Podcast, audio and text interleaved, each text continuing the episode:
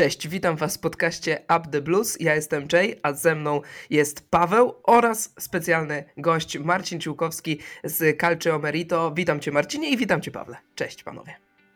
E, cześć, cześć Jędrek, cześć Paweł, e, witam wszystkich słuchaczy. Nasz gość już sugeruje temat naszej rozmowy, ale no myślę, że nie jest trudno zgadnąć. Chelsea po falstarcie, tak myślę, że możemy to nazwać, w pierwszych dwóch meczach Ligi Mistrzów y, teraz rozegra taki dwumecz, na początku u siebie, a potem na wyjeździe z Milanem i stwierdziliśmy, że ten mecz jest tak ważny, że sama obecność składu Up The Blues Podcast nie wystarczy i że trzeba zaprosić gościa, który zarówno o lidze włoskiej, jak i o Milanie wie dużo, dużo więcej, więc Marcin, no przechodząc już do konkretów, powiedz mi, jak w ogóle w Mediolanie patrzy się na, na te pojedynki z Chelsea? Milan zaliczył lepsze te dwa pierwsze mecze, e, ale no, przynajmniej z takiego angielskiego punktu widzenia cały czas Chelsea jest faworytem.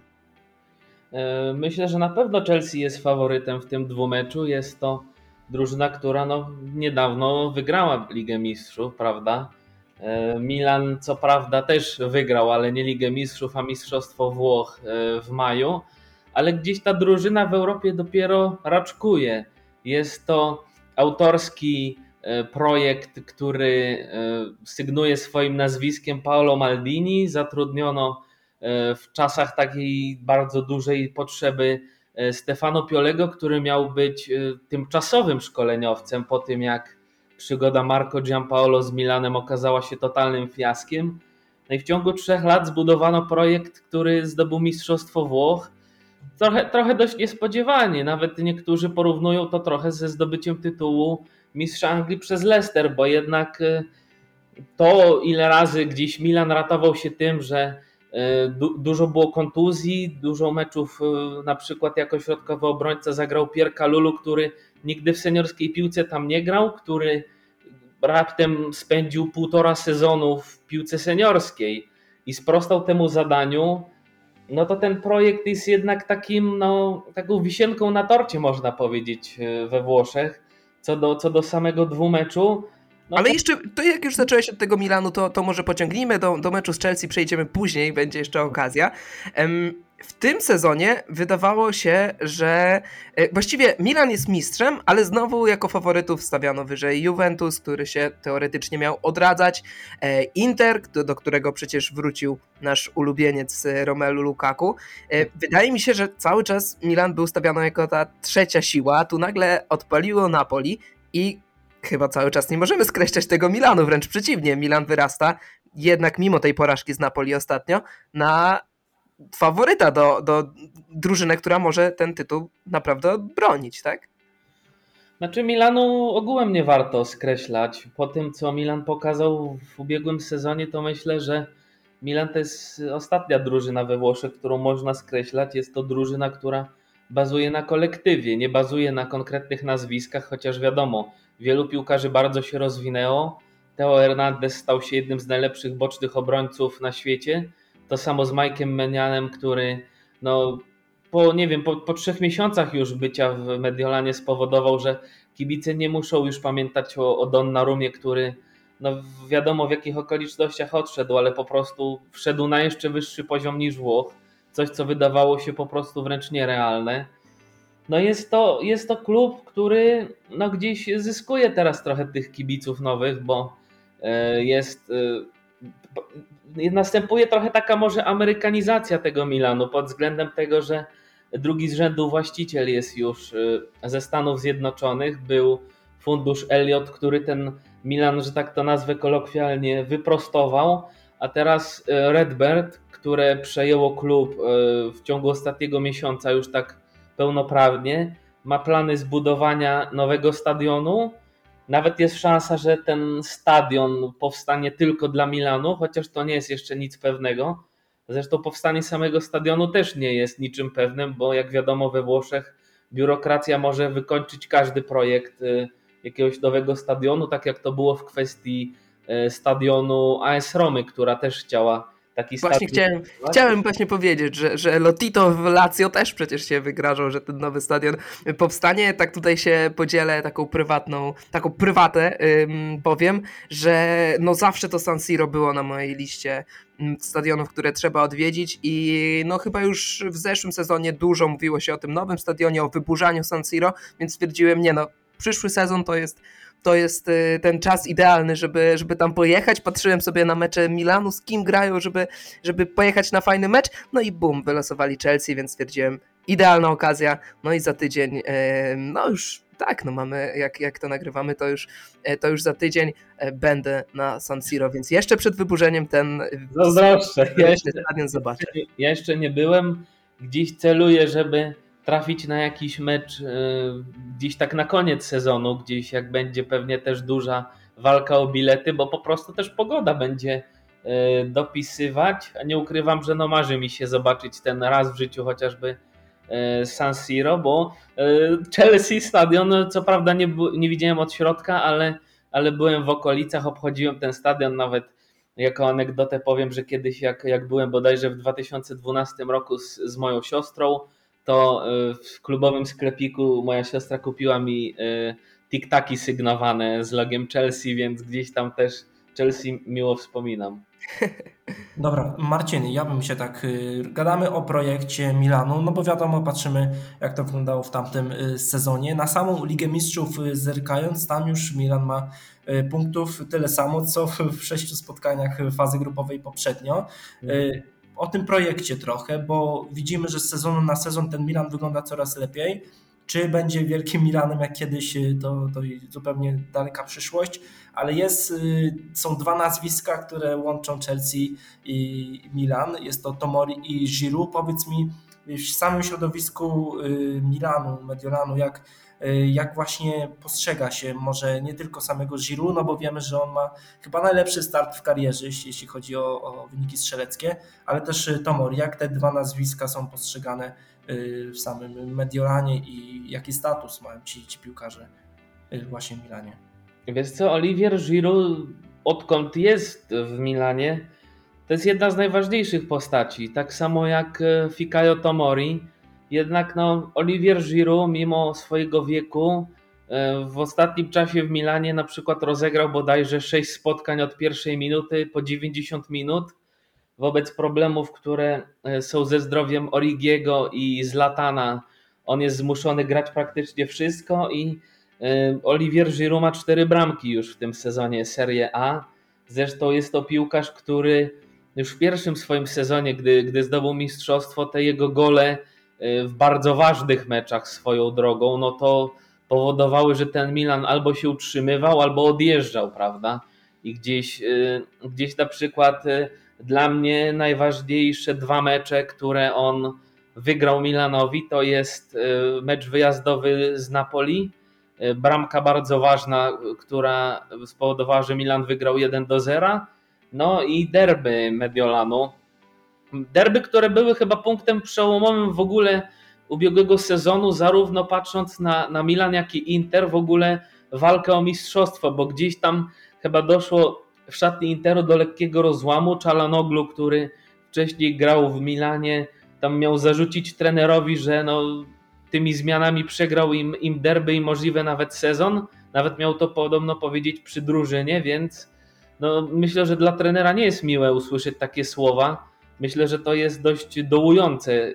Gdybym ja usłyszał takie słowa jako trener, to myślę, że trochę gdzieś tam te morale by spadły znacząco, ale no właśnie wtedy y, Barella zszedł z boiska Czalanoglu, a Giroud strzelił dwie bramki i z 0-1 Milan wygrał te derby.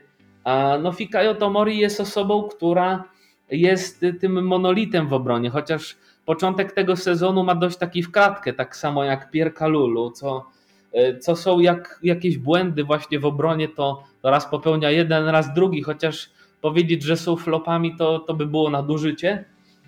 Aczkolwiek widać, że no gdzieś ta taktyka Milanu w tym, w tym graniu taką wysoką obroną, gdzieś bronienie na 15 E, metrze, to jest jeszcze coś, co musi się, mus, muszą się jeszcze tam e, dogrzać, że tak to nazwę, że po prostu ta obrona musi się jeszcze dograć, bo po prostu bywają te błędy jeszcze za często. Milan miał w lidze raptem dwa mecze z czystym kątem na, na 7 spotkań, a w Lidze Mistrzów żadnego, więc 9 spotkań, dwa czyste kąta. O tutaj ci uspokoję, bo Chelsea nie wygląda z, z, tym lepiej. Tylko jedno czyste konto w tym sezonie. W pierwszym meczu z Evertonem, kiedy Chelsea wygrała po rzucie karnym, mecz był tak nijaki, że po prostu, e, no nie wiem, dawno Chelsea tak nijakiego meczu nie rozegrała. No i to było jedyne czyste konto. Więc gdzieś te problemy w obronie to może być wspólna cecha obu drużyn.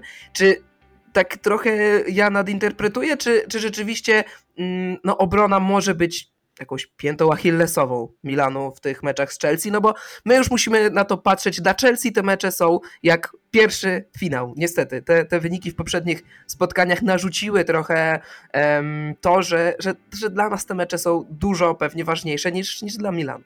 Znaczy wiesz co, wydaje mi się, że i tak powinniście trochę te mecze traktować jak finał, bo z jednej strony e, wasza sytuacja w grupie nie jest zbyt różowa, jeśli dobrze pamiętam, macie jeden punkt w dwóch meczach. Oglądałem e, co prawda z odwiki, ale e, tak dokładnie obejrzałem ten wasz mecz e, z Salzburgiem, bo sobie na, na drugi dzień po meczu nagrałem, gdyż po prostu oglądałem wtedy co innego.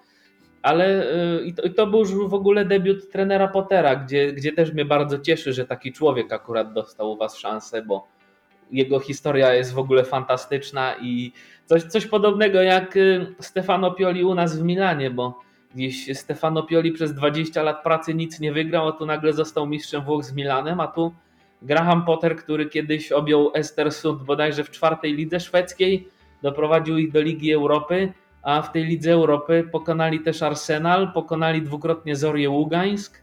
Jeśli mi pamięć nie myli, zdobył 4 punkty z Hertą Berlin, Dokładnie tak. Dokładnie tak pisałem o nim tekst I e, na, na więc mam na, jestem na bieżąco. I nawet remis z Atletikiem Bilbao, no i to była drużyna najniżej rozstawiona w ogóle e, w Europie z tych, co weszli do rozgrywek grupowych i dopiero teraz kosowskie Balkani e, ma niższą punktację, niższy współczynnik. No w tym meczu Chelsea była trochę ślamazarna, jeśli chodzi chyba o wykańczanie. Chociaż to jest, to jest stały problem. To jest stały problem Chelsea od czasów oh, Diego Koszty. Więc, e, więc tak, zgadzam się z tobą. Czy wiesz co, gdzieś, e, gdzieś ten mecz w kwestii finalizacji akcji u, u Chelsea to przypomina mi ten mecz Milanu z Napoli, bo gdyby naprawdę wpadły ze trzy czy cztery bramki z tych sytuacji, to by nie było e, żadnym niedomówieniem. Myślę, że to by było akurat. Po prostu ta skuteczność zawodziła zawiodła do tego stopnia, że Milan przegrał z Napoli, a tak naprawdę Milan dominował, a no, nawet Kwarackelia, który no, jest teraz taką sensacją w Europie i jak najbardziej mogę się z tym zgodzić, bo z wielką przyjemnością się tego chłopaka ogląda, no to zrobił dwie żółte kartki na obrońcach Milanu, zrobił rzut karny, gdzieś y, Serginio Dest trochę przez fanów Milanu został zrugany po, po tym meczu, ale myślę, że E, Milan, który jest trochę osłabiony, bo Teo Hernandez ma wrócić dopiero na Juventus, czyli prawdopodobnie na rewanż z Chelsea będzie gotowy. E, Mike Menian nie zagra w żadnym meczu z Chelsea, e, bo, bo dostał kontuzji na kadrze, więc Milan, który jest jakby pozbawiony tych najlepszych graczy, to jest też można powiedzieć taki najgorszy Milan do grania przeciwko, bo Milan będący drużyną, która jest wręcz szpitalem, to oni wtedy gdzieś tam najlepiej się jeszcze wręcz motywują. Potrafili, potrafili niektóre mecze bez Zlatana wygrywać w świetnym stylu. Teraz y, po, po roku w Lidze Mistrzów, no tak jak y, Paweł mówił, cztery punkty już Milan ma, tak jak rok temu. Rok temu tego pecha było trochę dużo, bo jednak y, nie, nie powiedziałbym, że w meczu z Atletico u siebie, gdzie Kessi e, w 30 minucie wyleciał. Nie powiedziałbym, że w pierwszej połowie Milan był gorszy, bo Milan dominował Atletico.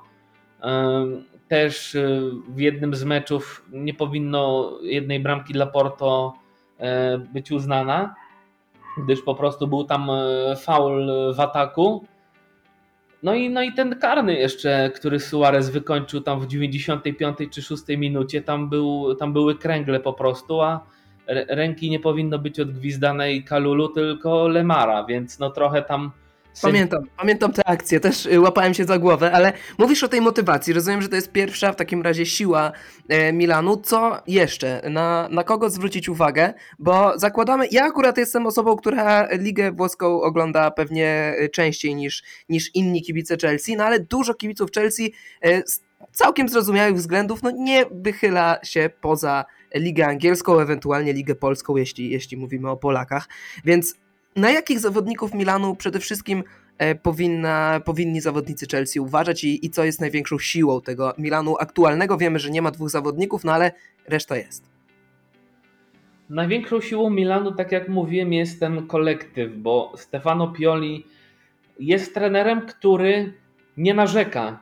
To jest rzadki gdzieś tam gatunek zagrożony wyginięciem, jeśli chodzi o trenerów, który naprawdę, gdy ma skład, powiedzmy, że dostępny w swojej drużynie, to on nie narzeka na to, że a, że potrzebuje tam prawego skrzydła, że potrzebuje tego piłkarza, czy potrzebuje pięciu nowych, tylko po prostu gdzieś tam się po prostu dogadują, że no, ten profil piłkarza by mi się przydał, e, że nie wiem, ten, ten na przykład mnie nie zadowala, no to, to nie ma też czegoś takiego. Pioli wydobywa naprawdę 120% i, i z tej drużyny, i z każdego gdzieś piłkarza e, osobno. No nawet potrafią być momenty, że, że prawe skrzydło, które jest no, piętą achillesową Milanu, czyli Alexis Salemakers i Junior Messias, to są po prostu piłkarze, którzy mają wiele defektów technicznych. Tak jak ja często piszę na Twitterze, najlepszą konfiguracją dla Milanu jest to, żeby to Salemakers zaczynał mecze, a Messias wchodził z ławki, no bo to są po prostu te najlepsze wersje tych piłkarzy, ale no czasami jednak e, jest zmuszony Pioli tym, żeby Messiasem zaczynać. No, jest, to, jest to mankament, który wkurza gdzieś kibiców e, Milanu. Gdzieś... Teraz e, przerwę ci, czy tą postacią może, którą może Chelsea ma się bać najbardziej nie jest Giroud, bo Giroud staje przed taką nietypową szansą, żeby stać się dziesiątym piłkarzem, właśnie, który dla Chelsea strzelał i który też może strzelić przeciwko, yy, przeciwko Chelsea. Yy. A dobrze pamiętamy, kiedy Giroud spotkał się w Chelsea, jeszcze grając w Chelsea ze swoją byłą drużyną, z Arsenalem w finale Ligi Europy i no, został tam, no nie został oficjalnie MVP, bo, bo ostatecznie ta nagroda powędrowała do Edena Hazarda, no ale był zdecydowanie drugim najlepszym zawodnikiem na boisku. Myślę, że Giroud będzie bardzo zmotywowany na, na taki mecz. Gdy gra się przeciwko byłej drużynie, to zawsze jest ten czynnik właśnie grania przeciwko byłej widowni, gdzieś się fajnie tam powiedzmy w większości przypadków wspomina stare czasy, ale jednak bycie profesjonalistą u Giroud y, jest to coś, co jest y, no tak jak trawa jest zielona, tak jak, tak jak Giroud jest profesjonalista, jest to rzecz oczywista i gdzie tak powiem, e, zarówno w kwestii czy wyglądu, czy występowania na treningach, czy, czy w meczach, to zawsze jest to u niego e, pierwszeństwo właśnie z tym, że jest profesjonalistą. I Giroud jest aktualnie w świetnej formie. Możliwe, że pojedzie do Kataru. No i gdzieś tam myślę, że, że jest szansa, żeby to, żeby to Giroud był tym, który strzeli Chelsea bramkę. No to drugie nazwisko zawodnika, którego musimy, e, tak myślę, że musimy się obawiać. Zawodnika, który w Chelsea nie grał, ale z Chelsea jest łączony od mniej więcej roku i mówiło się, że nawet Chelsea chce na niego wydać 100 milionów euro. Mówię tu oczywiście o e, Rafaelu Leao. Jak on myślisz, że. Jak go powstrzymać? O. U, to, jest, to jest trudne pytanie. Nigdy, nigdy nie byłem trenerem drużyny przeciwnej, więc się nad tym nie zastanawiałem. Bardziej się zastanawiałem nad tym, jak, jak Leo może e, ograć obrońców, ale no myślę, że myślę, że sposobem Chelsea na e, Rafaela Leao powinno być po prostu częste uprzykrzanie mu życia przez, nie wiem, podwojone krycie, Właśnie ja się zastanawiam, wiesz, bo on jest bardzo dynamicznym piłkarzem i e, co by nie mówić o, o obronie Chelsea, no to filary tej obrony to są zawodnicy starsi, już tej dynamiki nie mają. Ani Thiago Silva, ani Cezara Spilicueta, ani Kalidu Kulibali, więc wydaje mi się, że, że, że takim rozwiązaniem może być, nie wiem, właśnie Wesley Fofana. To może być jego mecz, taki pierwszy naprawdę solidny, dobry mecz w Chelsea, kiedy będzie mógł się pokazać, bo, no bo kto jak nie on? Wiesz co, ciężko mi powiedzieć coś o Fofanie. Tam kojarzę, że bodajże też ta porażka w Zagrzebiu to chyba był też jego udział, ale myślę, że jeżeli Fofana by wyszedł w pierwszym składzie na, na Leao, myślę, że gdzieś też poczułby zaufanie trenera, że mimo, mimo tego, że tam gdzieś za, zawaliłeś mecz y, już jeden w Lidze Mistrzów, to gdzieś y, piłkarz poczuje wiarę w siebie i myślę, że to jest ważne w kwestii budowania gdzieś tego team spirit. Co do, co do Leao, no to jest znakomity w grze jeden na jeden. To ja bym wręcz powiedział, że y, Rafael Leao to jest trochę taki Ronaldinho dzisiejszych czasów w piłce, bo to jest taki uśmiech futbolu, tak jak e, brzmi tytuł książki e, o Ronaldinho, jednej z biografii, która wyszła parę lat temu w Polsce i naprawdę życzę każdemu takiego piłkarza, jakim jest Leao w kwestii tego, jak on na, na boisku czaruje. Wygrał Milanowi derby Mediolanu no, w znakomitym stylu. To moim zdaniem, że był wręcz jego najlepszy mecz w Milanie obok meczu, w którym Milan zapewnił sobie mistrzostwo, gdyż tam Leao zaliczył trzy asysty. E, przy, przy wszystkich bramkach zaliczył asysty, był MVP sezonu jest to, jest to zawodnik, którego jak najbardziej trzeba się bać. Aczkolwiek... A myślisz, że myślisz, że to jest. Yy, bo mówisz o tych osiągnięciach, one są absolutnie imponujące, ale no, kibice Chelsea mają już tak, że, że nie ufają zawodnikom, którzy robią furorę w innych ligach, bo, bo mhm. może być taki Timo Werner, który będzie dobijał do 30 bramek w lidze niemieckiej, a tak. potem przyjdzie do Chelsea i nie trafi z metra na pustą bramkę. Może być Hakim Ziyech, który będzie wykręcał liczby na poziomie 20 asyst, 20 bramek w sezonie w Eredivisie, a potem w Chelsea okaże się, że nie umie absolutnie kopać jedną nogą. E, czy, my, czy te plotki, czy ty widzisz e, Leo e, w przyszłości w Premier League, a no tutaj konkretnie w Chelsea, no bo chyba Chelsea jest najbardziej nim zainteresowana w tym momencie. Ja bym go nie chciał oddawać tak szczerze. oczywiście. Ale mm, kurczę, gdzieś, gdzieś mi się wydaje, że że ten Leao to może by pasował najbardziej do, do Guardioli jako ten, ten skrzydłowy, bo jednak Grealish to jest piłkarz, którego no pewnie już żałują trochę, w, y, nawet, nawet sami kibice, że, że kupili tego Grealisha, no bo wydali 100 milionów funtów na piłkarza, który, jeśli mnie pamięć nie myli, miał udział bodajże w pięciu golach przez ponad rok. I jeszcze on jest tylko o rok młodszy od, y, od Sterlinga. Pozbyli się Sterlinga bez żalu, który no, robił dużo większe liczby. Ale nie o Sterlingu i nie, i nie o Grealishu teraz. Znaczy, czy, czy Leao bym widział w Chelsea? Kurczę, no bo wiesz, mówi się dużo o takiej nieskuteczności, w, jeśli chodzi o. Znaczy, właściwie nawet nie, nie takiej nieskuteczności, tylko o braku umiejętności kreowania piłki w tej trzeciej e, tercji. Że ym, nawet jak jest teraz Obama Young, czyli zawodnik, który powinien więcej e, dać, jeśli chodzi o samo wykończenie, to to nie ma kto mu podać, że w momencie, w którym, nie wiem, e, Mason Mount jest wycofany, e, bardziej tak jak, jak w pierwszym meczu u Pottera, to gdy te piłki do pola karnego mają dostarczać Havertz, e, Pulisic czy Ziyech, to no to oni nie umieją tego zrobić po prostu. Czy, czy, wydaje mi się, że Leo byłby właśnie zamiennikiem za, za Pulisika i Ziyecha. Wiesz co, nie wiem do końca jak gra Pulisic i, i Ziyech, chociaż wiem, że Ziyech to jest taki bardzo ofensywny zawodnik, który no jakbyście chcieli się go pozbyć, to, to my w Milanie z chęcią go przygarniemy. No i ogólnie były, były plotki w te A. Tak. lato, żeby właśnie Hakim Ziyech trafił y, do Milanu. Powiem szczerze tak od siebie, że, że ja z chęcią zobaczyłbym taką ofertę z Chętnie się go pozbędziemy.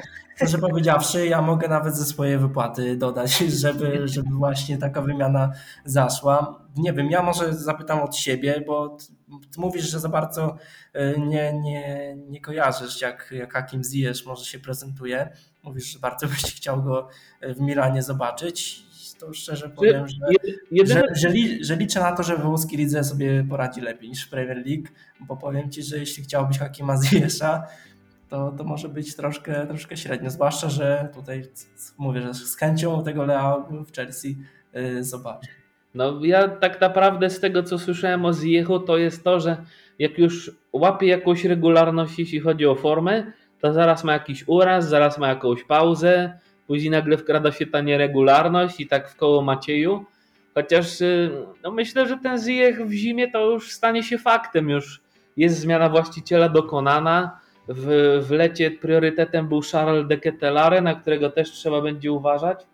Myślę, że jest to piłkarz, który no co prawda gdzieś tam trochę w ostatnich meczach tak po cichu występuje w tych, e, jeśli chodzi o takie ofensywne zapędy, ale gdzieś w Lidze Mistrzów też on brał udział w akcji bramkowej w meczu z Salzburgiem. E, w debiucie od pierwszej minuty z Bolonią mógł mieć dwie asysty, skończył z jedną.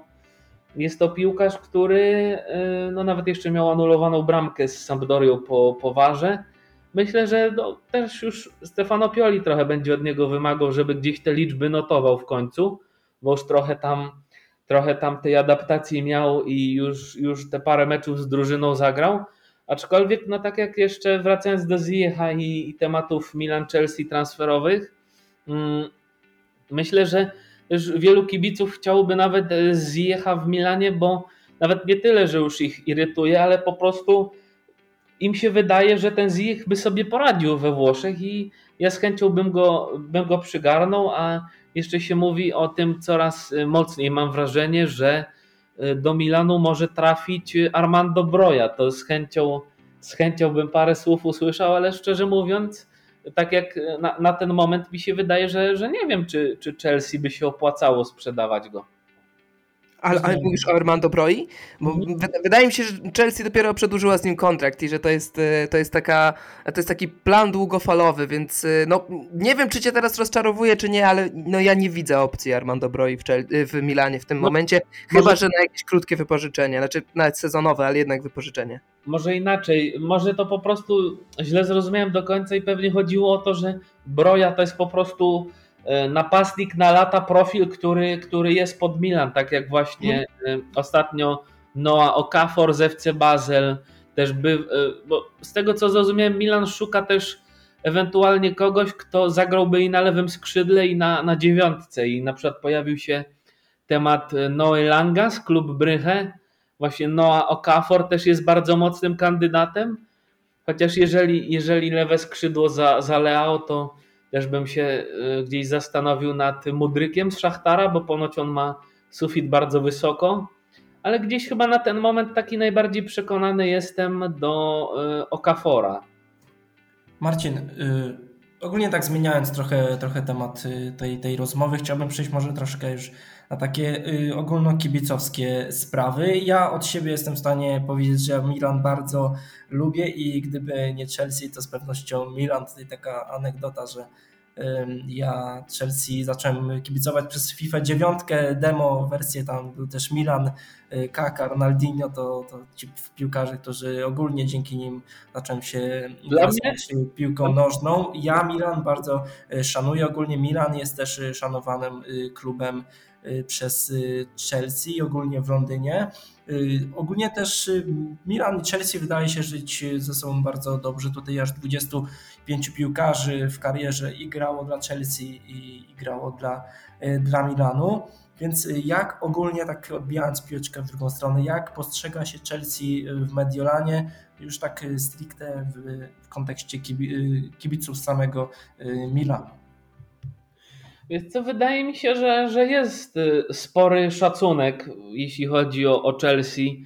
Gdzieś kibice mają w głowie, że to jest jednak drużyna, która no jest światową czołówką. Jest, jest to jednak gdzieś powiedzmy z takich dziesięciu najważniejszych drużyn i najmocniejszych na, na świecie, jeśli chodzi o piłkę europejską. I gdzieś, gdzieś jest y, duże poddenerwowanie przed meczem, też ze względu na to, że nie zagra Teo w pierwszym meczu, nie zagra Menian. E, gdzieś też do, do pewnego momentu nie było do końca pewne, czy zagra Sandro Tonali, ale już wrócił do treningu z drużyną.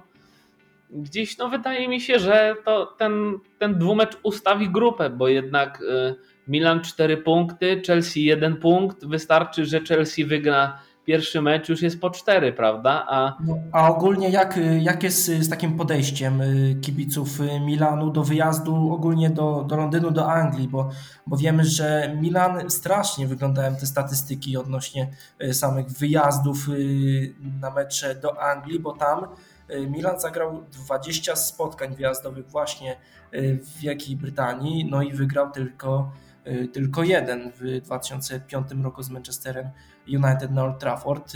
Reszta albo same 7 porażek, nie, 12 porażek aż i 7 remisów. Gdzie Chelsea w domowych spotkaniach z włoskimi ekipami wygląda świetnie. Tutaj tylko dwie porażki w ostatnich 13 spotkaniach, więc czy nie jest takie przekonanie, czy nie jest jakaś taka obawa, że, że Milan wyjeżdża do Anglii, więc, więc może być ciężko, nie tylko patrząc na to, że, że, że ta defensywa wygląda średnio, bo tutaj Chelsea też gadaliśmy o tej defensywie, też to wygląda y, średnio, więc też możemy liczyć na w końcu jakiś bramkostrzelny pojedynek między tymi drużynami, bo popatrzymy sobie wstecz, tam ostatnie spotkanie w 99 roku, no bramek dużo nie zobaczyliśmy, mecz, mecz końcówka świetna, bramek dużo nie było, poprzednie spotkania też nie zapewniły nam jakoś y, dużo, dużo bramek, więc te średnie defensywy mogą sprawić, że w końcu ten worek z bramkami się rozwiąże, ale tak wracając i pytając Cię, czy nie ma takiej obawy, że, że Milan wyjeżdża do Anglii, więc może być średnio i tutaj taka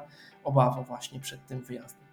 Czy powiem tak, rok temu, gdy Milan miał walczyć z Liverpoolem, były głosy, że Milan trochę jedzie jak na ścięcie. Przynajmniej nawet w trakcie meczu, że, że my jesteśmy jak na ścięciu bo jednak no, początek meczu Liverpool-Milan w pierwszej kolejce to był taki roller coaster, że naprawdę y, Aviomarin to chyba każdy z nich musiał wziąć w przerwie. Tam było w 16 minucie w strzałach 14 do 0, już było 1 do 0. Tam Aleksander Arnold po, po nodze chyba Tomoriego. Y, Menian wyjął karnego Salaha więc też to był wielki moment dla mnie, bo to, to był taki, takie przedstawienie się gdzieś na arenie międzynarodowej, w mojej opinii, przez Meniana i on już jest jednym z najlepszych bramkarzy na świecie. Myślę, że gdzieś wtedy się zaczęło to e, wśród e, fanów piłki ta wiedza rozpowszechniać. A Stefano Pioli wyciągnął wnioski, zrobił zgrupowanie w Austrii przed sezonem gdzie ta wydolność miała być poprawiona, gdzie ta intensywność miała być zwiększona. I to widać w meczu z Napoli. Jeśli oglądaliście, dało się to bardzo zauważyć. Ten Milan w starciu z drużyną Spallettiego, on wręcz fizycznie, y, nie powiem, że zjadał, ale no dominował w tym meczu. Y, swoją drogą, no Napoli to wytrzymało, świetnie się broniło i tak dalej. Milan był nieskuteczny ale Milan, jeśli chodzi o intensywność gry, o, o pressing, to powiem szczerze, że nie wiem, czy to nie był najlepszy mecz, jaki widziałem pod tym względem.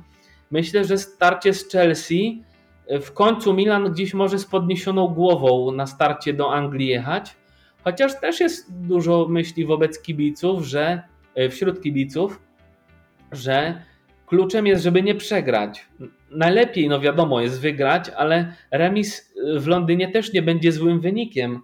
No, biorąc, biorąc pod uwagę sytuację w tabeli nawet, Chelsea musi wygrać, bo gra u siebie, ma jeden punkt i po prostu sytuację trzeba ratować, więc... Ale y, chodzi mi o, o sytuację kadrową Milanu aktualnie, no bo y, bez Meniana, bez Teo Hernandeza jechać do Londynu, no perspektywa grania na lewej obronie Fode Baloture nie jest zbyt różowa. Y, nie wiem, czy nie będzie zastąpiony Teo Hernandez Davide Calabrio, który też trochę wraca do siebie.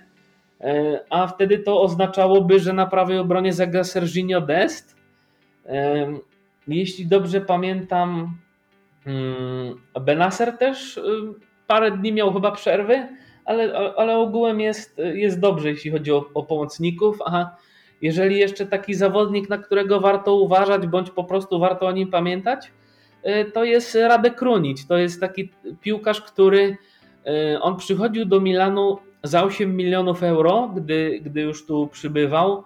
E, on przychodził jako numer 10, ale on jest zrzucany tak naprawdę po, po wielu pozycjach. Jeżeli się okazuje, że nie ma kto grać na tej pozycji, bo jest kontuzja, Stefano Pioli wpada na pomysł, Radek Krunić, ty dzisiaj wychodzisz na, nie wiem, na lewym skrzydle na przykład. Jest to piłkarz, który ma, ma braki y, w umiejętnościach, ale on to bardzo nadrabia charakterem. Y, na pewno myślę, pamiętacie, że y, w Milanie byli tacy piłkarze jak Fabio Borini czy Juraj Kuczka, których znacie. Fabio raczej... Borini to właśnie to na, nasz zawodnik był. On też, on też w Chelsea grał? Tak jest, tak jest. Miał swój krótki epizod. Jego kojarzę właśnie z, z Liverpoolu i z Sunderlandu. Chyba to w Liverpoolu. E, nie, przepraszam. Będąc w Sunderlandzie chyba strzelił United taką chyba jedną z bramek sezonu, jeśli mnie pamięć nie myli.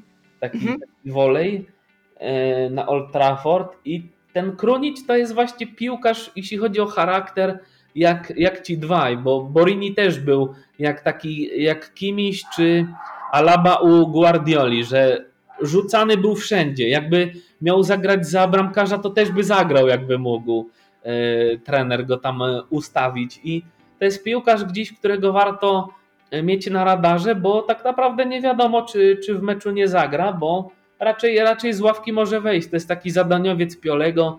E, Jest to człowiek, który e, zapisał się jako asystent przy bramce Teo Hernandeza, która e, była golem sezonu. Taki gol w stylu Diego Maradony z Atalantą e, pod koniec ubiegłego sezonu. Kronic zrobił ślisk na duwanie zapacie i Teo przejął od niego piłkę. Jedna I załatwił już, załatwił już sprawę. Ja, ja czekam na pojedynki pomiędzy Sterlingiem a Destem. Przyznam się, że Dest to jest zawodnik, którego tak po prostu piłkarsko nie szanuję.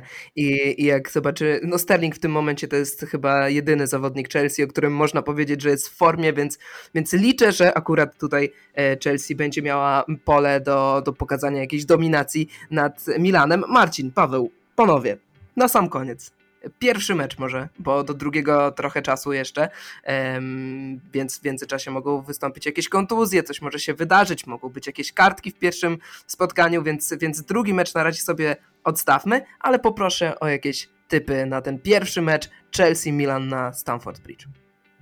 To może Marcin gościnnie, nie uderzy pierwszy, ja spróbuję. Ale chodzi, chodzi ci o sam wynik, czy o to, jak na przykład może mecz wyglądać pod względem. e, I tak- to i to, na szybko już, na sam koniec, kończąc audycję, wyniki możesz powiedzieć, e, jak widzisz to spotkanie. Myślę, że, że Milan jest y, fizycznie dobrze przygotowany i gdzieś pod tym względem czuje, czuje pewność. Też aż tak wielu piłkarzy na, na kadrach nie grało. E, Też jeszcze jest, jeszcze jest tydzień niecały do meczu, więc akurat gdzieś wróci ten rytm. Chelsea ma z kolei Pottera, gdzie no, weekend pewnie zagra dopiero drugi mecz z tym trenerem, więc mecz, mecz z Milanem to też będzie pewnego rodzaju poligon jeszcze myślę ale myślę, że no, myślę, że to się skończy minimum bramkowym remisem. Stawiałbym e, niech będzie 2-2. Oj, Dobrze, to- Paweł?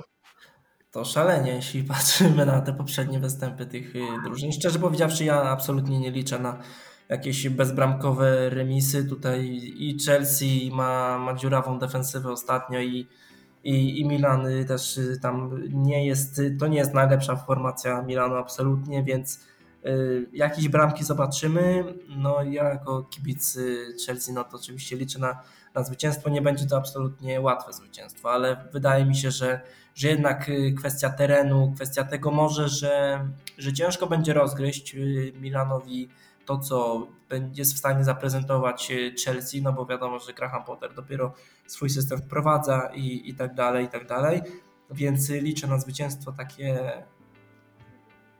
2-1. Jeśli Chelsea zagra dobrze z Crystal Palace, to uderzałbym w takie 3-1, no i może jakieś końcu obudzenie się.